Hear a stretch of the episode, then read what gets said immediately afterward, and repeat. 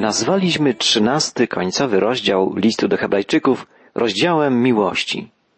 Musimy od razu zaznaczyć, że chodzi o miłość praktyczną, aktywną, miłość inspirowaną przez Boga. Cała końcowa część listu ma wymiar bardzo praktyczny. Miłość nie jest jakimś sentymentalnym uczuciem, ale przede wszystkim czynem, działaniem.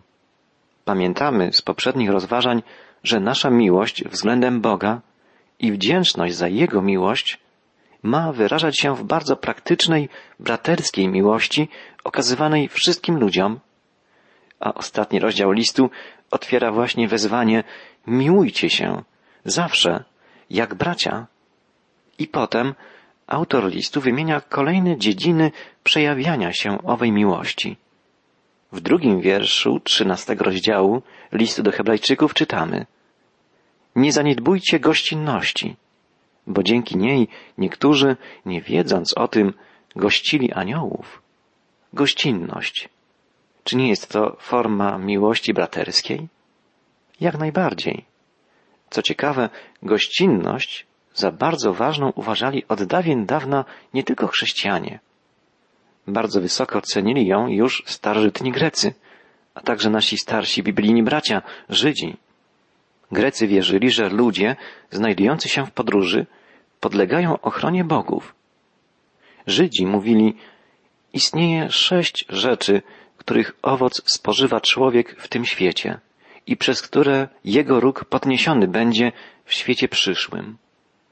I lista owych sześciu rzeczy rozpoczyna się tak.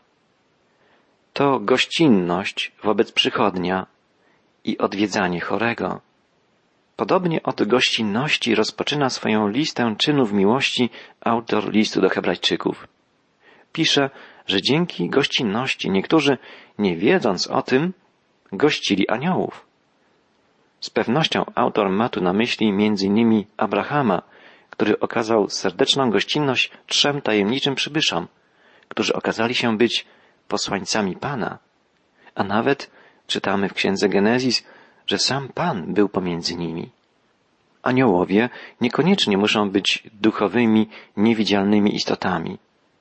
Być może i dzisiaj zdarza nam się gościć aniołów, którzy, będąc Bożymi posłańcami, przybierają czasem postać człowieka.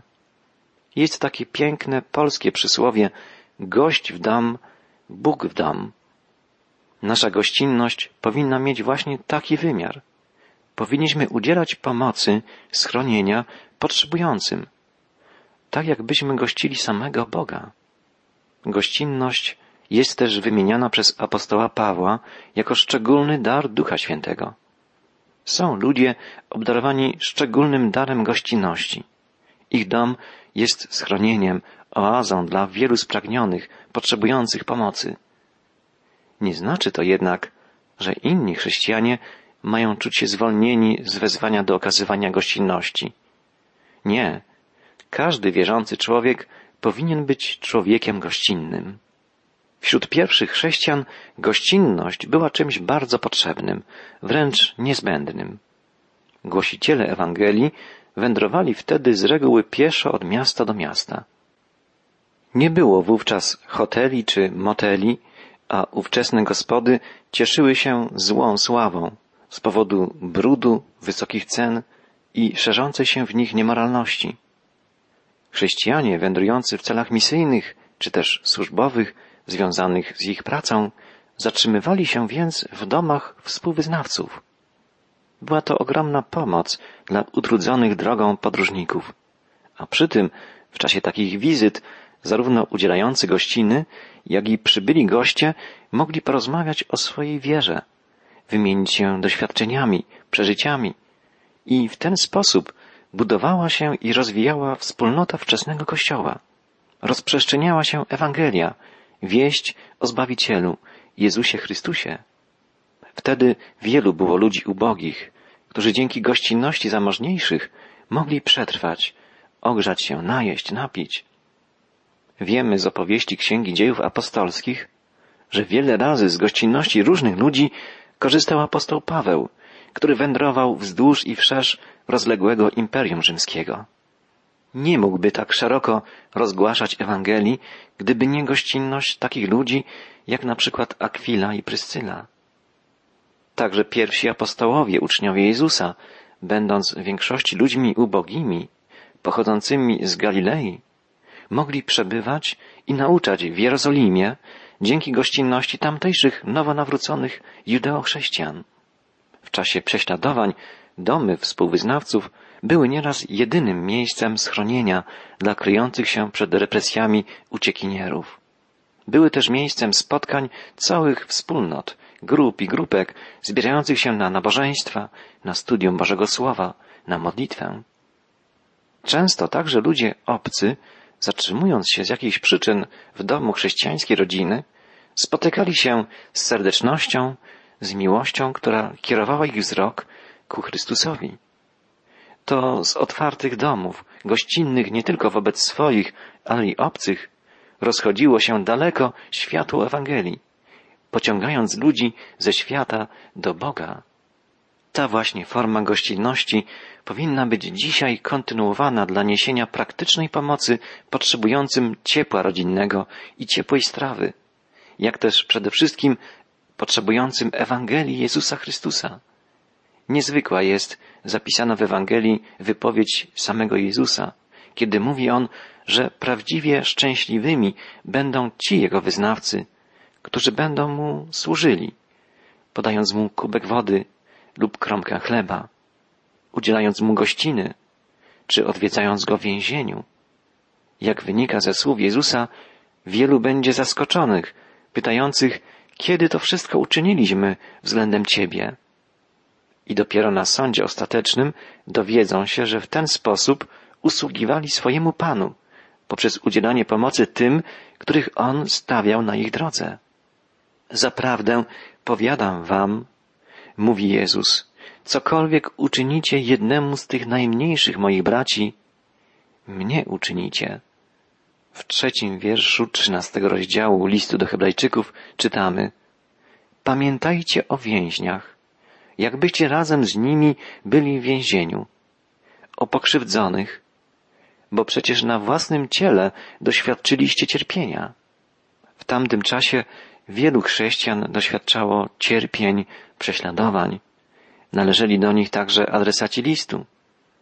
Tym bardziej, apeluje autor, skoro sami doświadczyliście trudów chrześcijańskiego życia, okazujcie pomoc wszystkim pokrzywdzonym. Pamiętajcie o więźniach, jakbyście sami byli z nimi w więzieniu.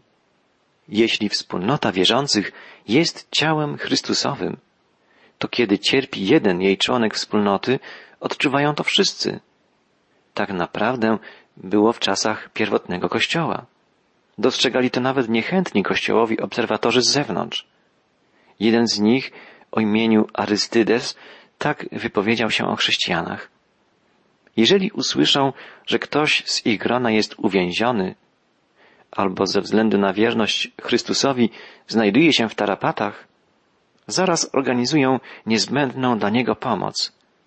A jeżeli ma być odkupiony, płacą jego cenę i obdarzają go wolnością. Niektórych chrześcijan skazywano na pracę w kopalniach, co było podobne do zesłania na Syberię. Istnieją historyczne świadectwa, że i tam, w dalekich kopalniach, chrześcijanie odnajdywali swoich współwyznawców i nieśli im pomoc, a gdy tylko to było możliwe, wyprowadzali skazanych na wolność. W niektórych kopalniach powstawały małe wspólnoty chrześcijańskie i tam prowadzono pracę misyjną. W znanym dziele wczesnego Kościoła, Konstytucji Apostolskiej, znajdziemy między innymi taką instrukcję. Wszystkie pieniądze z uczciwej pracy przeznaczajcie na wykupienie świętych, niewolników, zakładników i więźniów, ludzi poniżonych i skazanych przez tyranów. Znane są przypadki, kiedy chrześcijanie sprzedawali siebie w niewolę, żeby dzięki tak uzyskanym środkom wykupić z więzienia swoich przyjaciół. Nieraz chrześcijanie przekupywali strażników, żeby dotrzeć do więźniów. Pomoc chrześcijan okazywana więźniom miała tak masowy charakter, że w IV wieku naszej ery cesarz Lucinius wydał specjalne zarządzenie, żeby nikt nie okazywał współczucia przebywającym w więzieniu, przynosząc im posiłek, by nie okazywał miłosierdzia głodującym w więzieniu. Na mocy tego zarządzenia ludzie pomagający więźniom mieli być skazywani na taką samą karę jak ci, którym starali się pomóc. Nie wiem, czy dzisiaj znalazłoby się choć kilku chrześcijan, którzy pomimo grożących im surowych konsekwencji podjęliby ryzyko i starali się dotrzeć do więźniów z pomocą. Nawet w bezpiecznych, sprzyjających warunkach niewielu jest dzisiaj wierzących, którzy odwiedzają więzienia. Niewielu jest też tych, którzy pomagają bezdomnym, bezrobotnym, żyjącym w skrajnym ubóstwie, głodującym, chorym. Właściwie każda wspólnota, każdy zbór, każda parafia powinny organizować pomoc potrzebującym. Jest ich w dzisiejszych trudnych ekonomicznie czasach bardzo wielu. Jako chrześcijanie powinniśmy być pierwszymi, którzy śpieszą z pomocą wszystkim uciśnionym, cierpiącym z powodu różnych przyczyn choroby, utraty pracy, nieszczęśliwego wypadku, załamania, zagubienia. Zadajmy sobie to pytanie. Kto, jeśli nie my, uczniowie Jezusa Chrystusa, ma pomóc bliźnim w trudnej sytuacji? Autor listu pisze o tej potrzebie wprost. Apeluje, pamiętajcie o pokrzywdzonych, o więźniach, o cierpiących. A potem przechodzi do kolejnego ważnego tematu. Pisze o sprawie, która jest jednym z największych problemów współczesnego społeczeństwa. Przeczytajmy czwarty wiersz trzynastego rozdziału. Niech wszyscy szanują związek małżeński, a mąż i żona niech będą wobec siebie wierni, gdyż rozpustników i tych, co nie dochowują przysięgi małżeńskiej, sam Bóg sądzić będzie. Mamy tu wezwanie, by wszyscy szanowali związek małżeński i ostrzeżenie, że tych, którzy małżeństwem gardzą, sądzić będzie sam Bóg. Słowa te brzmią bardzo współcześnie, bo dzisiaj potrzeba szacunku względem instytucji małżeństwa jest jeszcze pilniejsza niż w pierwszym wieku naszej ery. Choć wiemy ze źródeł historycznych, że i wtedy życie rodzinne znajdowało się w wielkim kryzysie. Zarówno Rzymianie, jak i Grecy bardzo lekko traktowali kwestię wierności w małżeństwie. Również wśród Żydów tylko teoretycznie obowiązywały wysokie standardy moralne. W praktyce bardzo łatwo było mężczyznom uzyskać rozwód i często z tego niestety korzystali. Jak jest dzisiaj, doskonale wiemy. Od lat trwa tak zwana rewolucja seksualna. Coraz więcej młodych ludzi nie zakłada rodzin, ale żyje na wolną stopę. Coraz powszechniej akceptuje się przedmałżeńskie i pozamałżeńskie stosunki seksualne. Mówi się o swobodzie, o wolności. Media, czasopisma zachęcają nastolatki do rozpoczęcia współżycia. Wszystko to prowadzi do ogromnych spustoszeń moralnych, psychicznych, a także zdrowotnych i do rozpadu więzi rodzinnych.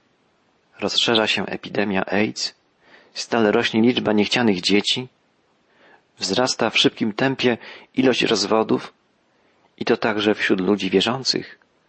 Jeśli zastanowimy się nad tym głębiej, dojdziemy do wniosku, że to wszystko niewierność małżonków, oderwanie seksu od miłości, rozpusta, niemoralność, że to wszystko spowodowane jest generalnie odejściem od Boga. A przecież małżeństwo to Jego projekt, to Jego wspaniały plan. Zamiast więc narzekać i biadolić nad tym, co się dzieje, proponuję cztery rady dla małżeństw, rady wynikające bezpośrednio z Bożego Słowa. Po pierwsze więc, błogosławcie się wzajemnie. To pierwsza rada. Błogosławcie się, to znaczy uszczęśliwiajcie się wzajemnie. Takie nastawienie jest czymś najlepszym, co może przytrafić się małżeństwu. Jeśli oboje myślimy o tym, żeby to drugie było szczęśliwe, wtedy powstaje coś w rodzaju sprzężenia zwrotnego. im bardziej ja pragnę, by mój współmałżonek był szczęśliwy, tym bardziej jest prawdopodobne, że takie samo pragnienie zrodzi się w nim czy w niej. Ważne, by nie czekać na siebie, lecz wzajemnie się wyprzedzać, przejawiać inicjatywę, stawiać pierwsze kroki w błogosławieniu siebie nawzajem. W jaki sposób możemy wzajemnie się uszczęśliwiać? Nie musimy szukać wzorca gdzieś daleko i na oślep. Gdy patrzymy na Jezusa, widzimy, jak można i trzeba wnosić szczęście w życie bliskiej nam osoby. Jezus uszczęśliwiał wszystkich, z którymi się spotykał, wszystkich, z którymi przebywał. I skoro my spotkaliśmy się, skoro przebywamy ze sobą dłużej, powinniśmy czerpać z Jego przykładu, z przykładu altruizmu, dobroci, łagodności, oddania, troski, uprzejmości, czyli Jego miłości. Miłości przez duże M, bo całkiem wyjątkowej, gotowej do największych poświęceń, włącznie z poświęceniem samego siebie. I tu dochodzimy do rady drugiej. Eliminujcie swoje ego. Jak eliminować, pomniejszać swoje ego, swoje ja? Jest ono przecież tak silne. Wszyscy musimy to szczerze przyznać. Jesteśmy egoistami. Tak, jest to prawda. I to całkiem niewesoła. Uwidacznia się ona szczególnie wyraziście w relacji małżeńskiej. Swojego partnera poznajemy tak dobrze, z tak bliska, że nie może ujść naszej uwagi fakt, że jest on czy ona osobą samolubną. Pomyślmy, przyjaciela możemy zmienić. Możemy też zmienić sąsiada poprzez zmianę miejsca zamieszkania. Możemy zmienić pracę, kiedy dojdziemy do wniosku, że nasz szef czy podwładny to egoista. Ale małżonek to ktoś, z kim przychodzi nam żyć na co dzień przez całe lata. Nic więc dziwnego, że w naszym umyśle pojawia się wcześniej czy później następujący wniosek. Mój małżonek to największy egoista, jakiego znam. Droga żono, drogi mężu, jest to wniosek fałszywy. Chodzi o to, by dojść do wniosku całkiem odmiennego. To ja jestem największym egoistą, najbardziej nieznośnym samolubem. Dostrzegam przede wszystkim swoje potrzeby, koncentruję się na swoich odczuciach, myślę o swoich pragnieniach, ambicjach. Potrzeby, odczucia, marzenia mojego współmałżonka są mi może bliskie, jednak zawsze znajdują się na drugim planie. Niełatwo jest nam przyznać się do swojego egocentryzmu.